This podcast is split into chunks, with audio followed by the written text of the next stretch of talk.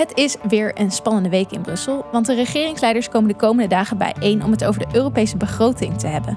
Want hoewel de Green Deal en de oorlog in Oekraïne vragen om extra investeringen, staan sommige landen juist op de rem. Voor Bas is het een extra spannende week, want hij werd verkozen tot lijsttrekker voor de aankomende verkiezingen. Welkom bij Bellen met Bas, de podcast over Europese politiek waarin we bijpraten met GroenLinks-Europarlementariër Bas Eickhout. Mijn naam is Mijke Vedder.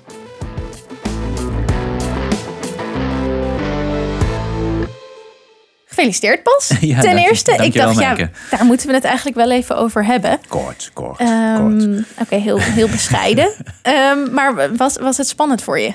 Ja, jawel. Het is toch echt wel spannend. Ik bedoel, ik weet heel goed, en eh, dan krijg je natuurlijk reacties. Er was maar één kandidaat. Eh, dus, dus eh, nee, ik geef toe dat ik wel dacht dat het percentage goed zou zijn. Eh, Mhm. want de mensen die gaan stemmen, die nemen daar moeite voor om Ja. te doen. Dus, dus tenzij ze echt een politiek statement willen maken, maar die, die, die zag ik niet helemaal. Eh, dus, dus, maar nog steeds, die 96% is wel echt beter dan ik had verwacht. Mhm. Maar ik ben vooral ook blij dat de opkomst boven de 30%, dat is echt wel veel. Eh, en, en dat betekent dat er echt wel veel mensen toch die stem hebben uitgebracht. Nou, voor Europese verkiezingen vaak wat minder aandacht voor. Eh, er was maar één kandidaat, dus ja, dat, ik, ja, goed, je slaat wel slechte nachten voor met allerlei beelden dat er maar 5% gaat stemmen of zo. Dus je, je- dat, ik denk dat Je weet het gewoon niet totdat het echt Nee, bekend precies. is. Ik, ik denk dat iedereen dat wel kent, dat je in bed altijd, als je half slaapt, Ja. dat je altijd hele slechte scenario's weet Ja. te verzinnen. Dus nee, ik was, eh, ik was echt heel blij. Ja. Ja, want vond je het überhaupt een moeilijke beslissing of je, of je door wilde gaan? Nou, dat, die keuze heb ik eigenlijk in, het, in, in, de, in de zomer, vlak voor de zomer gemaakt. eh, toen natuurlijk de deadline er nog was voor GroenLinks alleen. Hm. Ja. Eh, hè, toen dachten we nog, we gaan, we gaan met twee verschillende lijsten. Ook omdat aanvankelijk nog het idee was, er zijn eerst Europese verkiezingen. Ja, toen was het nog niet eens bekend Nee. inderdaad dat we ja, En daarna nationale verkiezingen. Nou, Ja. dat, toen eh, hebben we toch gezegd van... eh, nou, we, we zetten de procedure even voor. Dus toen moest Ja. ik eh, toch wel in de zomervakantie besluiten... ga ik door? En ja, daar heb ik wel over nagedacht toen. Omdat dat, eh, ja, het, het wordt mijn vierde termijn. En, Ja. en eh, er zijn een hele hoop mensen die zeggen... dat is lang en veel. En die hebben ook gewoon gelijk. Dat moet je... Je moet volgens mij, eh, de grootste valkuil van elke politicus is dat ze gaan denken dat ze onmisbaar zijn. Mhm.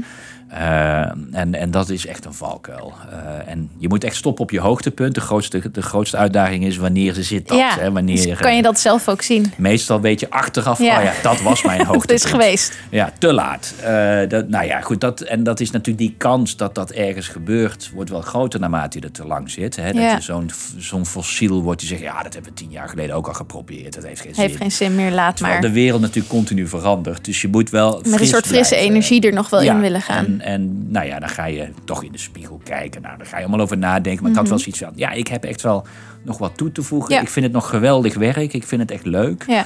En eigenlijk nu samen met PvdA maakt het ook weer extra spannend en nieuw. Dus, dus ik eh, ben daardoor eigenlijk nog meer gemotiveerd. Dus, dat, Ja. dus dat, dat is wel beter geworden. Maar die keus heb ik wel vorig jaar gemaakt. Zeg maar van oké, nog één keer dan. ja, toen wist je inderdaad nog niet samen met, met PvdA. Ehm, eh, ik denk dat het voor best veel mensen ook ingewikkeld is hoe dat in Europa eh, gaat, gaat werken. Kan je kort uitleggen wat nu de, de plannen daarvoor zijn?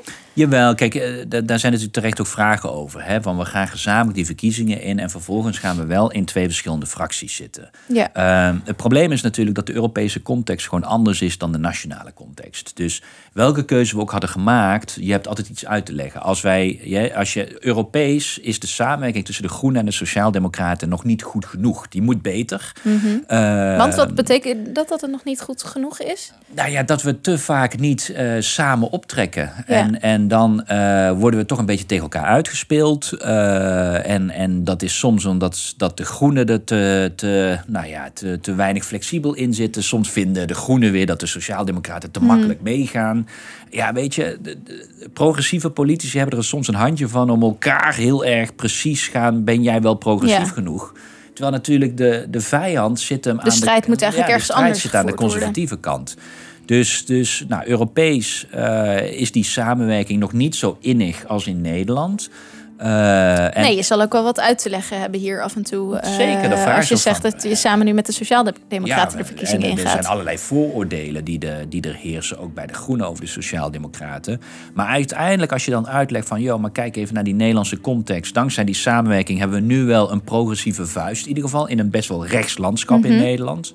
En als we nu naar Europa gaan kijken, zien we eigenlijk dezelfde trend. Ja. Dus, dus wordt het ook gewoon belangrijk dat wij in Europa veel beter gaan samenwerken. En eigenlijk wordt dus daarmee onze samenwerking van GroenLinks PvdA een voorbeeld voor die Europese hm. samenwerking. Maar om dat goed te kunnen doen, zullen wij een stem moeten hebben in beide fracties. Ja. Je kan natuurlijk zeggen, nou dan gaan jullie toch samen bij of de Groenen of de Sociaaldemocraten. Ja, maar dan verzwak je jouw stem in één van die twee fracties. Terwijl in beide nou net die samenwerking moet worden nagestreefd. Dus, daarom... ja, dus je wil eigenlijk dat de GroenLinks-Europarlementariërs er binnen de Groenen voor gaan zorgen dat, dat die samenwerking gewoon met de hele Sociaal-Democratische fractie beter gaat en andersom. En de PvdA binnen de Sociaaldemocraten op basis van ons gezamenlijke programma. Want dat is natuurlijk belangrijk, want wat betekent die samenwerking? Nou, die samenwerking moet er wel voor zorgen dat we juist nog steviger op groen en sociaal zijn. Hè? Dus dat het groene en rode geluid. Dat niet allebei afgezwakt. Ja, je moet elkaar niet gaan verzwakken. Nee. Nou, ik denk dat we dat nationaal echt goed hebben gedaan. Nou, dat willen we nu ook Europees proberen te doen duidelijk. Uh, toch is het voor jou is de spanning nog niet helemaal weg. Uh, want naast dat je lijsttrekker, uh, nou, dat is, dat is nu duidelijk dat je lijsttrekker wordt voor GroenLinks PvdA. Maar aankomend weekend vindt er ook het congres van de Europese Groenen plaats in Lyon. Daar kan ook op jou gestemd worden, want je bent kandidaat voor de positie van spitsenkandidaat. Ja, ja. We hadden het volgens mij vorige keer al, ook al even over van wat dat ook weer betekent, uh, spitsenkandidaat zijn. Um, ja, hoe, hoe verhoudt zich dat dan totdat jij ook lijsttrekker nu bent in Nederland? Kan dat ook elkaar weer versterken? Als het goed is wel. Er zijn natuurlijk ook momenten in zo'n campagne, omdat ook de Sociaaldemocraten hebben een spitsenkandidaat. Ja. Uh, Schmid is dat, dus de huidige. Dat is al duidelijk. Ja, die hadden één kandidaat en dat, is, dat is de eurocommissaris uit Luxemburg. Mhm. Eh, dus die wordt de spitsenkandidaat van de Sociaaldemocraten. Dus dan heb je wel twee verschillende spitsenkandidaten. Ja. Uh, daar kun je natuurlijk op een gegeven moment in een, in een uh, debat tegenover komen te staan. En dat wordt een raar model. Uh, uh, gelukkig hebben wij als Groenen altijd een duo-spitsen. Ja. een spitsen duo. Dus, dus dat kan ook betekenen dat in zo'n debat ik zeg, nou, dat, dat mag dan de andere doen. Mm -hmm. omdat verder, wat, wat in deze campagne natuurlijk het thema gaat worden, en dat zie je nu al, is hoe gaan wij een antwoord hebben op die opkomst van extreem en populistisch rechts. Ja, want dat zie je niet alleen in Nederland, dat is een algehele dat is ook de trend in Europa. En dat wordt echt een van de verkiezingsthema. Ja. Ook de aanval op de Green Deal als een soort belemmering voor onze ontwikkeling. Terwijl natuurlijk zowel bij PvdA als GroenLinks zijn we ervan overtuigd, die Green Deal is essentieel voor onze toekomstige economie. Dat moet socialer, maar dat is wel de basis. Nou, dat verhaal kan ik ook prima houden als spitsen van Groenen. En wederom die progressieve samenwerking, dat is nou net wat je ook in de campagne vooraan wil zetten. Dus eigenlijk vanuit mijn positie, hopelijk als spitsenkandidaat voor de Groenen, kan ik ook weer juist dat progressieve verhaal neerzetten. Dus het kan heel erg uh, versterken. Maar er zullen heus momenten in die campagne zijn dat het misschien een lastige setting wordt. Maar dan hebben we gelukkig altijd dus een, uh, een tweede spitsenkandidaat voor de Groenen die ook dat soort debatten kan doen. En dat is dus ook nog niet duidelijk wie, uh, nou ja, wie dat zal zijn. Want er zijn nu vier kandidaten waarvan er twee verkozen zullen Precies, worden. dat, dat gaat allemaal zaterdag in Lyon gebeuren. Ja. Dus uh, hou de social media in de gaten, zou ik zeggen, voor de uitslag van die uh, ja, we, stemming. We hopen erop dat het goed komt, maar ja, het stemmingen zijn gewoon altijd spannend. Het is, uh, het is wel een beetje veel deze week, dat moet ik wel toegeven. Ja, ja. het, is, het is een lange week, maar goed. Ja, want naast die verkiezingen gebeurt er ook gewoon nog heel veel hier in Brussel. Um, we hadden het vorige week al over de vorige week, de vorige aflevering over de EU-top die de komende dagen plaats gaat vinden. Toen hadden we het vooral over Oekraïne en uh, de Hongaarse premier Orbán, die die steun wil gaan dwarsbomen. Ja. Um, maar daarna staat er eigenlijk nog veel meer op de agenda. Uh, namelijk de hele Europese begroting die hervormd moet worden. Ja. Um, wat, ja, dat heet de Europese meerjarenbegroting. Die wordt voor zeven jaar vastgesteld. Maar ik zag die is van 2021 tot 2027. Dus ja. uh, we zitten daar eigenlijk middenin. Wat, wat moet daar nu over besloten worden? Ja, dit is dus ook de midterm review. Oké. Okay. Uh, uh, en dat is natuurlijk eigenlijk, we zitten, we zitten een beetje met het probleem dat eigenlijk uit het verleden. Europa werkt met een zevenjarige, een meerjarige ja. begroting. En dat is altijd voor zeven jaar.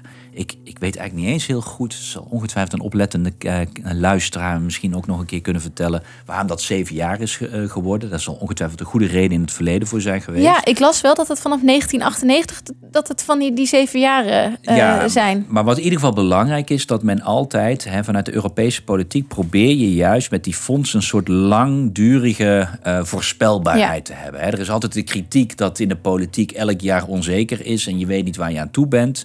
Nou, we hebben dus vanuit Europa hebben gezegd: oké, we hebben een meerjarenbegroting, maar dat zorgt er juist voor dat je voor zeven jaar wel bijvoorbeeld voor de landbouwsubsidies, maar ook voor de cohesiefondsen, hè, dat is dus mhm. om de regio's van Europa te steunen, dat jij weet als regio of als, als uh, agrariër van dit moet ik doen om Europees geld te krijgen. Ja, dat er bepaalde zekerheid uh, dat wordt geboden. jaar. En dat je niet elk jaar weer nieuwe regels hebt. Ja. Nou, dat is het idee erachter. Dat is op zich een heel goed idee.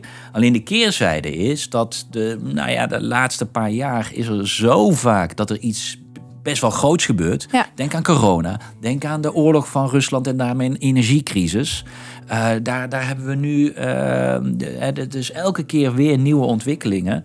Uh, die ervoor zorgen dat eigenlijk die zevenjarige begroting een soort corset wordt waar je te weinig kan, kan bewegen. Want zo'n mm -hmm. zeven jaar begroting die geldt voor 2021 tot 2027.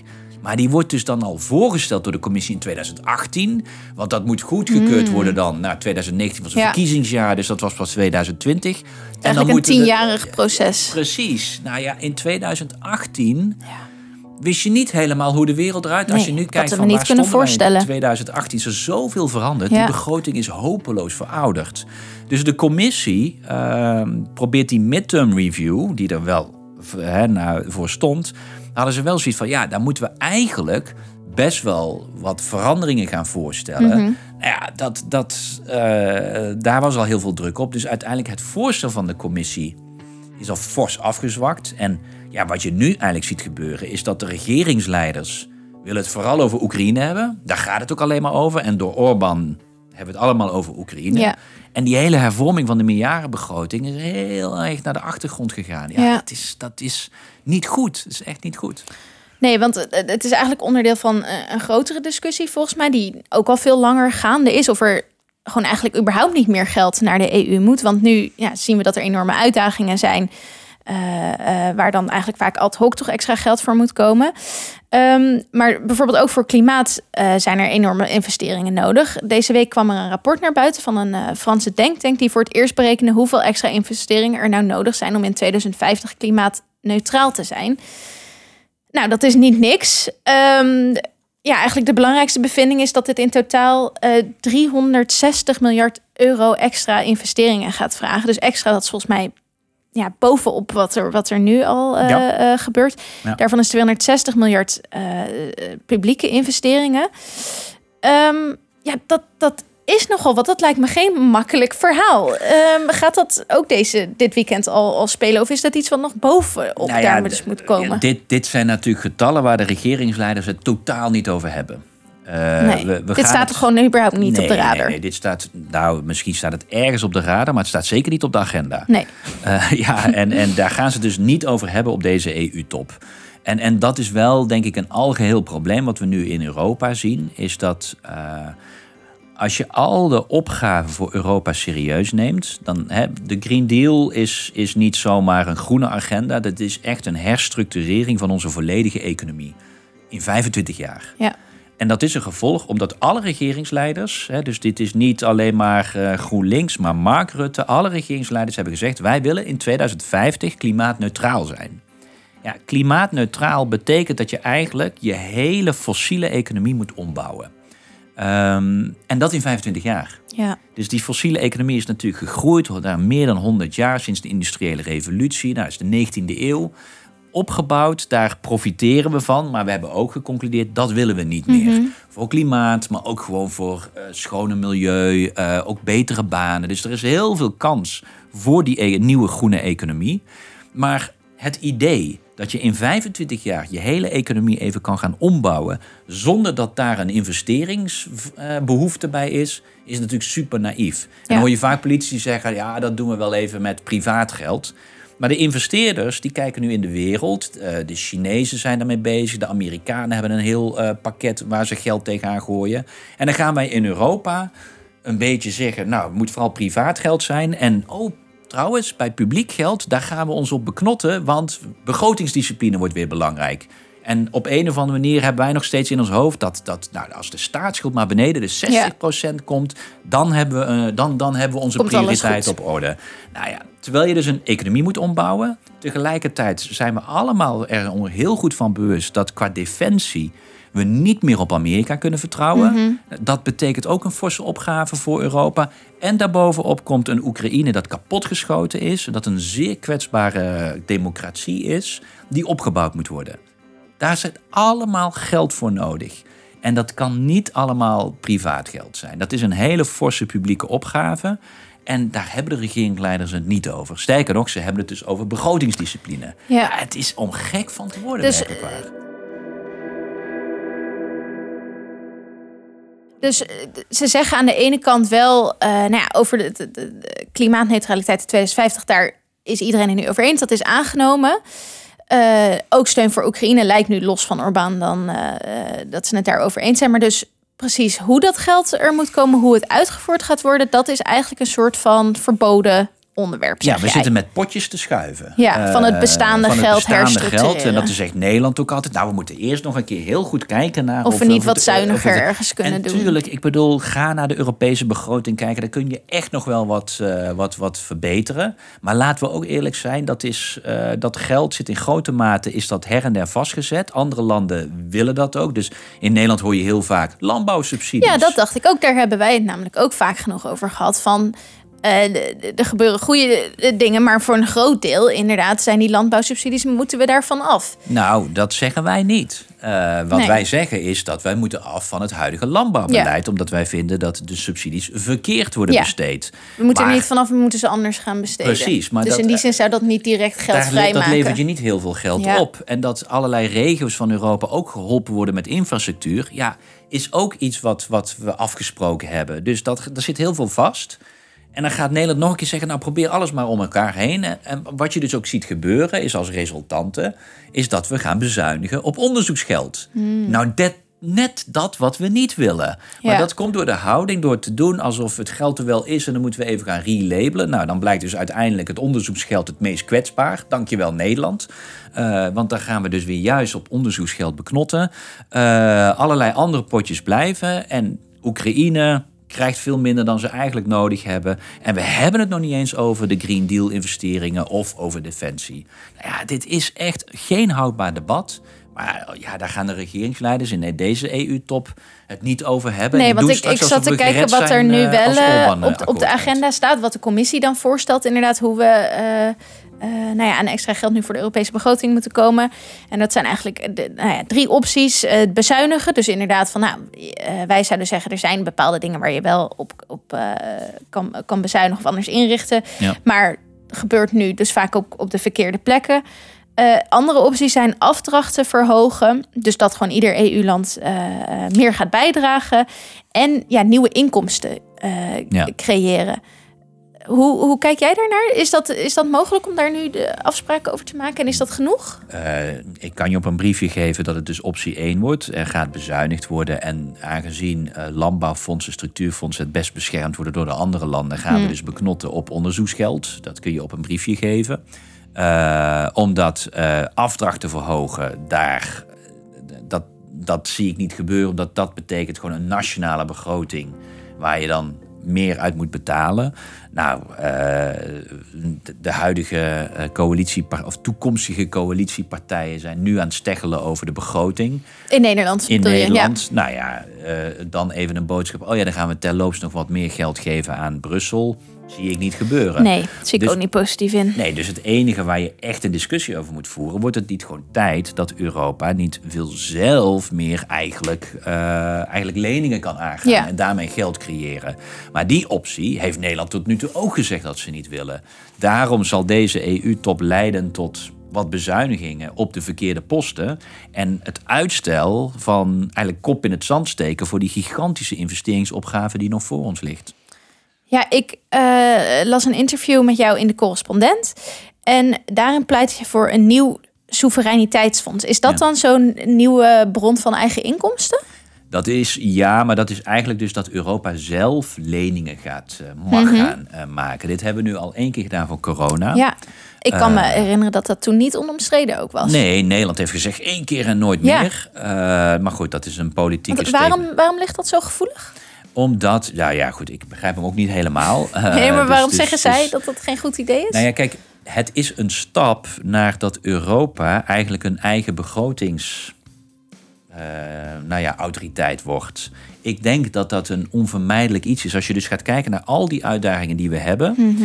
En tot nu toe zitten we vast in een meerjarenbegroting waarin, je, waarin we steggelen over hoeveel miljard krijgt, eh, moet elk land dan gaan betalen. Nou, elk land heeft natuurlijk ook gewoon echt wel uitdagingen in zijn eigen begroting. Helemaal als ze moeten gaan bezuinigen omdat we een stabiliteits- en groeipact uh, nog uh, gaan aanscherpen. Dus, dus dat is al dom, dat moeten we niet doen. Maar dan nog steeds zullen heel veel landen ook hun eigen issues hebben. Er gaan natuurlijk heel veel investeringen in gezondheidszorg, onderwijs, die wij ook willen maken nationaal.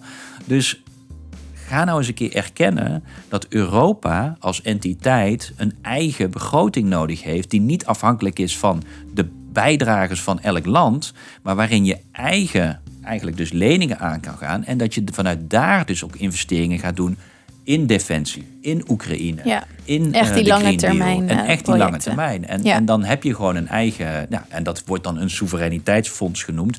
Je mag er van mij een plakketje aangeven wat het is, maar dat er gewoon meer publieke investeringen moeten komen, dat staat ja. een paal boven water. De commissie heeft wel al een soort van soevereiniteitsfonds, dacht ik, in het leven geroepen. STEP heet dat. Step, ja. ja stepje. ja, dat is, dat is niet, niet voldoende. Nee, dat is een paar miljard. En dat zou ook nog wel eens gewoon zelfs het daglicht niet kunnen zien, omdat het dus zo omstreden is. Dus dit is ook wel weer typisch de commissie. Die kondigt iets heel groots aan. Vorig jaar ging Van der Leyen naar Davos en oh, dat zou het Europese antwoord op hè, Amerikaanse IRA, hè, dat Inflation Reduction Act, daar gaat Europa's antwoord op komen met een soevereiniteitsfonds. Dat werd een soevereiniteitsfondsje. Dat werd step. En steps werd een stepje.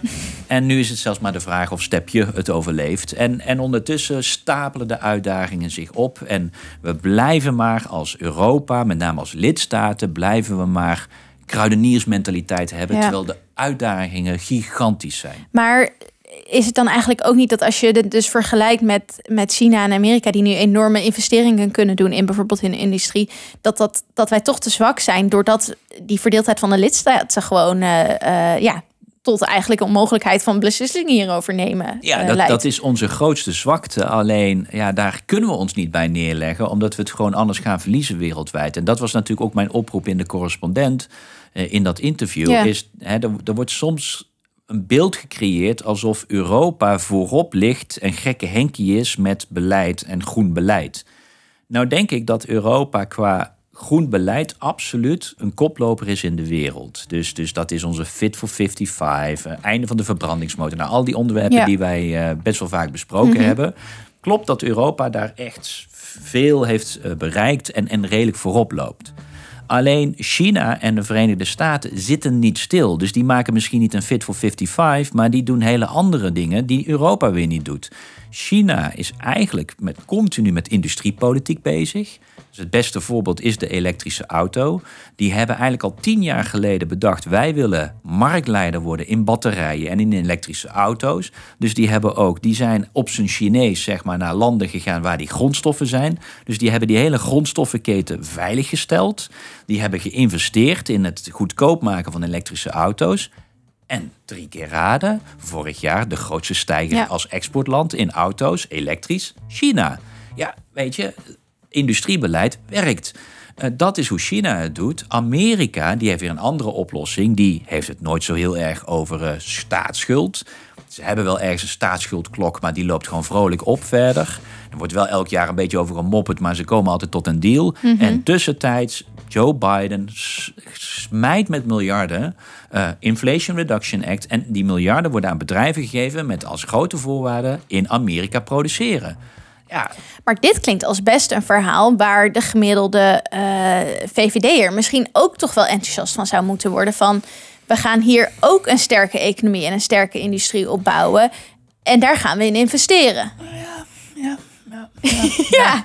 Dan, dan, vraag jij mij de psyche van de gemiddelde VVD uit te leggen. Ik heb het daar best wel moeilijk mee. Ja. Omdat inderdaad, als jij echt een competitieve industrie wil dan, dan, dan zullen we hier gigantisch op moeten bewegen. Maar wat je dan hoort, nee, het grootste probleem is de interne markt moet vervolmaakt worden. Ik weet nooit precies helemaal wat dat is. Uh, en minder bureaucratie.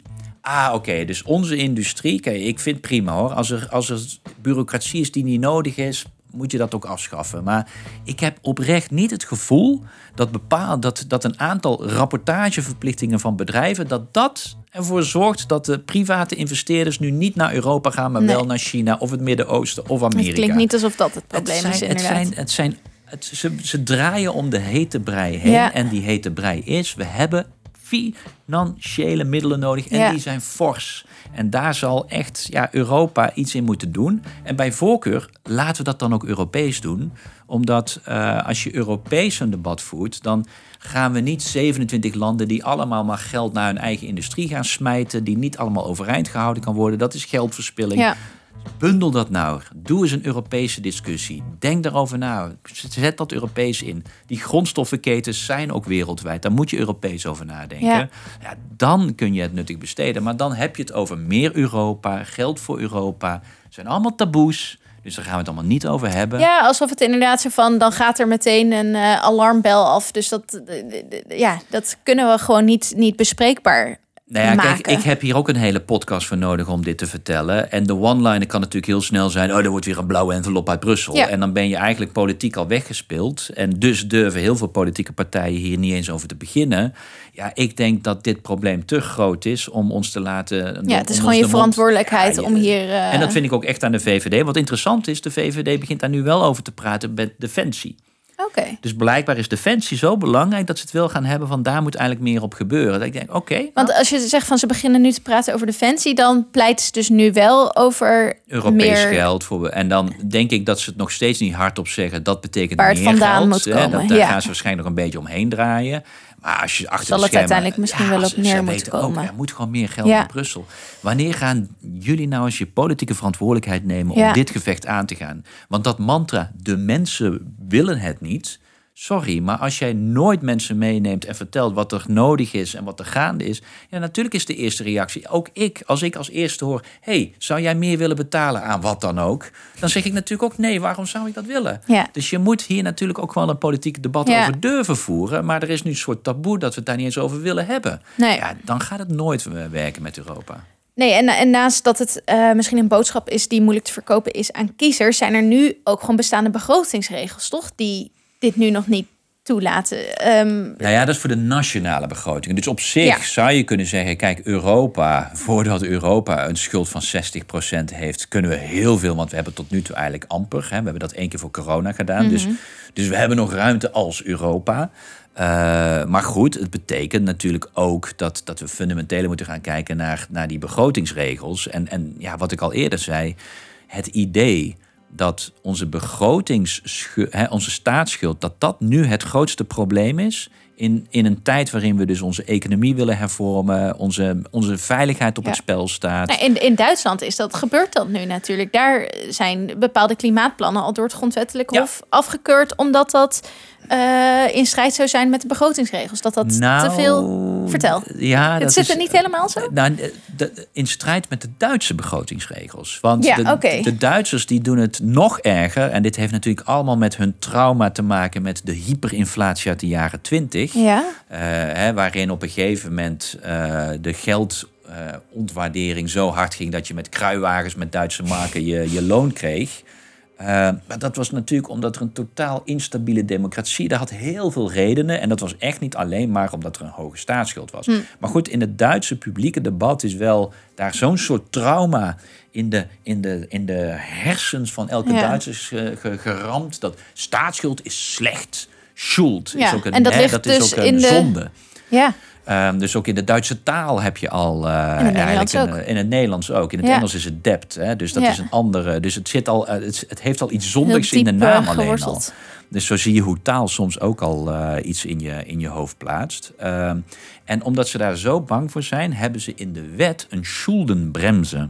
Ja, in dus de een grondwet. ver- in hun grondwet een verplichting om, om zich eigenlijk maar eh, eh, een, een rem op schulden maken zit. Nou, dat hebben ze omzeild in Duitsland tijdens corona.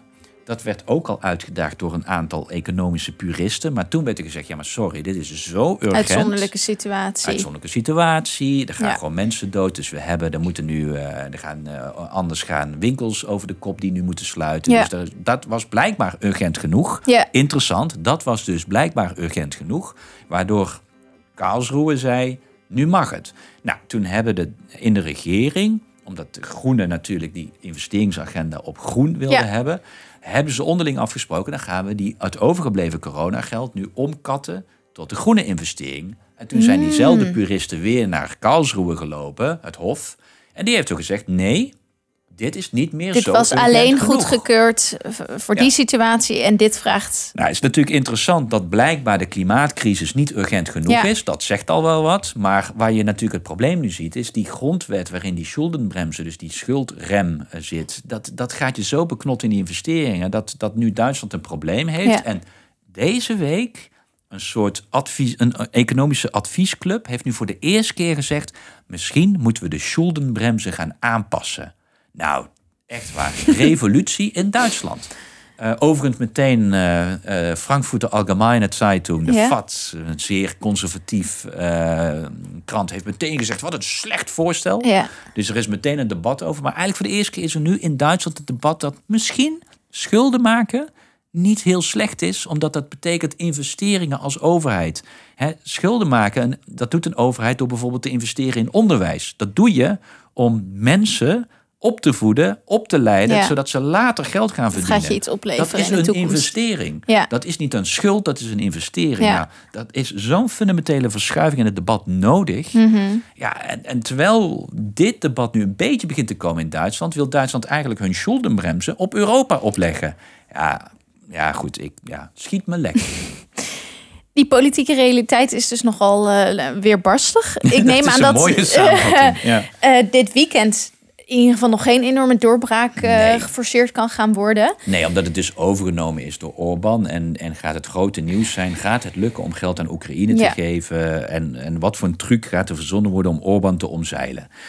Ook belangrijk, ook hartstikke goed. Maar tegelijkertijd dat je denkt, jongens, dit Speelt er nog een veel groter Ja, probleem dit- op de is- achtergrond. Ja, dit is eigenlijk het topje van die ijsberg. Ja. En daaronder zit nog een gigantische investeringsijsberg. Ja, nog even over Orbán en Oekraïne, omdat we vorige keer ook zeiden dat we daarop terug zouden komen. De top heeft nog steeds niet plaatsgevonden, dus we weten nog niet hoe het gaat zijn. Maar zijn daar nog ontwikkelingen?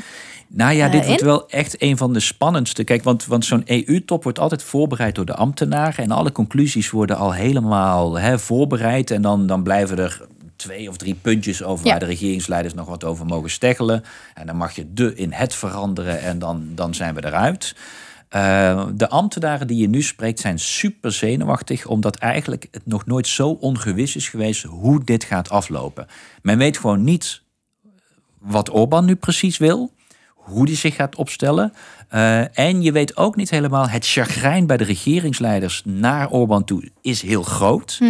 Maar goed, er zijn allerlei opties. Mhm. Niemand wil het de- gevoel hebben dat hij gechanteerd wordt. Nee, precies. Dus, maar wat, waar dat chagrijn toe gaat leiden, dat weten we ook niet helemaal. Dus, Nee. dus zowel de andere 26 als Orbán, het is echt onvoorspelbaar wat er eh, donderdag gaat gebeuren. Dus de 1 februari, wij zitten Mhm. daar nu voor. Eh, eh, nee, het wordt echt een hele spannende top. Kijk, Ja. Gaat Orbán toch blijven blokkeren? Komt er dan toch een constructie die om Orbán heen werkt? Dus dan ga je een oplossing van 26 landen krijgen. Is dat toch niet nodig? Maar wat gaan we dan Orbán toch weer wel beloven? Terwijl heel veel landen zeggen dat gaan we niet nog een keer doen.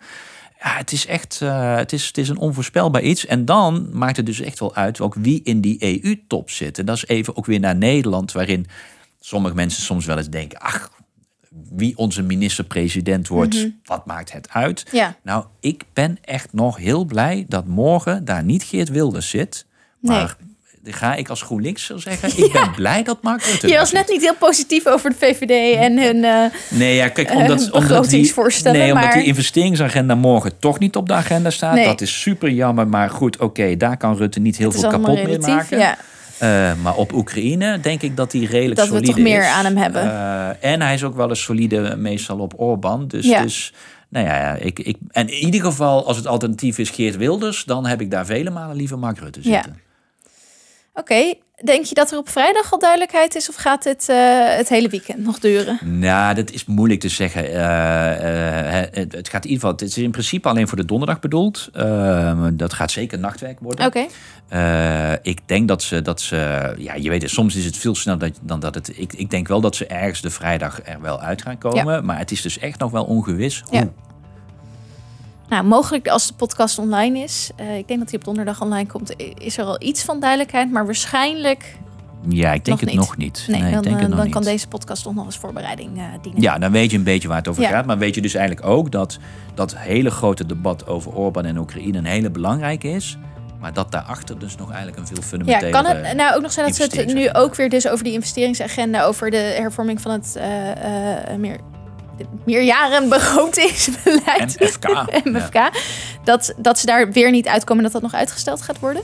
Nou, dat wordt moeilijk voor Oekraïne. Kijk, ze Ja. kunnen in principe die meerjarenbegroting nog op een of andere manier wel, wel uitstellen. Maar dan moeten ze echt een truc verzinnen voor Oekraïne. Dus, dus ik denk dat ze echt wel proberen het als pakket af te ronden. Maar Ja. daarom verwacht ik dat het meerjaren, en die midterm review, een hele magere gaat zijn met hier en daar wat herlabelen. Ja, Daar, ja. Daar, dat, dat, dat gaat helaas gewoon niet Nee. een hele eh grootse hervorming worden. Wat wel interessant is, als ze dit meerjarenbegroting gaan eh, omvormen, dan kan het Europees, moet het Europees Parlement daar nog mee akkoord gaan. Oké, En ja, als groenen willen we wel ook heel duidelijk maken, ja, als jullie weer tot een akkoord komen waarin Orbán weer allerlei geld wordt beloofd, nou, dan, dan, dan is de toestemming van het Europees Parlement geen zekerheid. Hm. Dus dat is ook nog wel interessant dat het Europees Parlement op een gegeven toch nog moment wel iets over te zeggen heeft. Ja, enige probleem is, dat kan dan wel weer, dan lig je dwars, maar degene die slachtoffer is, is Oekraïne. ja. Nou ja, dat is natuurlijk politiek iets verschrikkelijks, want Oekraïne heeft die steun nodig. Maar tegelijkertijd. ja, dat is precies waarmee Orbán nu. Ja, dit is het machtsmiddel weet, van eh, Orbán. Ja, En daarom, maar goed, dat hebben we de vorige keer over gehad, is het zo belangrijk dat die regeringsleiders een keer fundamenteler naar de positie van Orbán kijken. Omdat dit stemgedrag en dat veto dat hij telkens kan inzetten, dat is levensgevaarlijk. En eh, daar, ja, dat, dat de regeringsleiders daar nu al tientallen jaren niks aan doen, dat begint zich wel steeds meer te wreken. ja. Nou, we gaan het met angst en beven. eh, Het wordt echt een spannende top. gaan we er naar Ja. kijken. Ja. Ja. maar ik vrees dus een typisch Europese oplossing met, met wel een deal waar Oekraïne wat aan heeft, maar toch ook weer wat gerommel voor Orbán, die er weer doorheen komt. Dat regeringsleiders een beetje boos zijn, Ja. maar weer niet helemaal. En zo modderen we weer verder. Ja. En voor jou ook een heel spannend weekend nog. Ehm, ja, maar met, om heel eerlijk te zijn, is dan de EU-top toch net even belangrijk. ja, je wil jezelf daar niet helemaal... eh, Ik vind de vergelijking Nee, misschien voor mij persoonlijk, Nee. maar, maar nee, eh, voor, voor de toekomst van Europa is wat er Toch morgen wel. gaat gebeuren toch net even belangrijker. die bescheidenheid eh siert je. Dankjewel. Voor nu heel erg bedankt. Graag gedaan. En tot de volgende keer.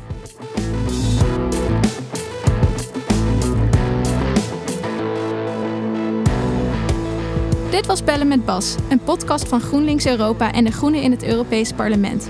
We horen graag van je. Laat je reactie achter op vriendvandeshow.nl slash bellen met Bas en meld je aan voor onze Europa-update op europa.groenlinks.nl.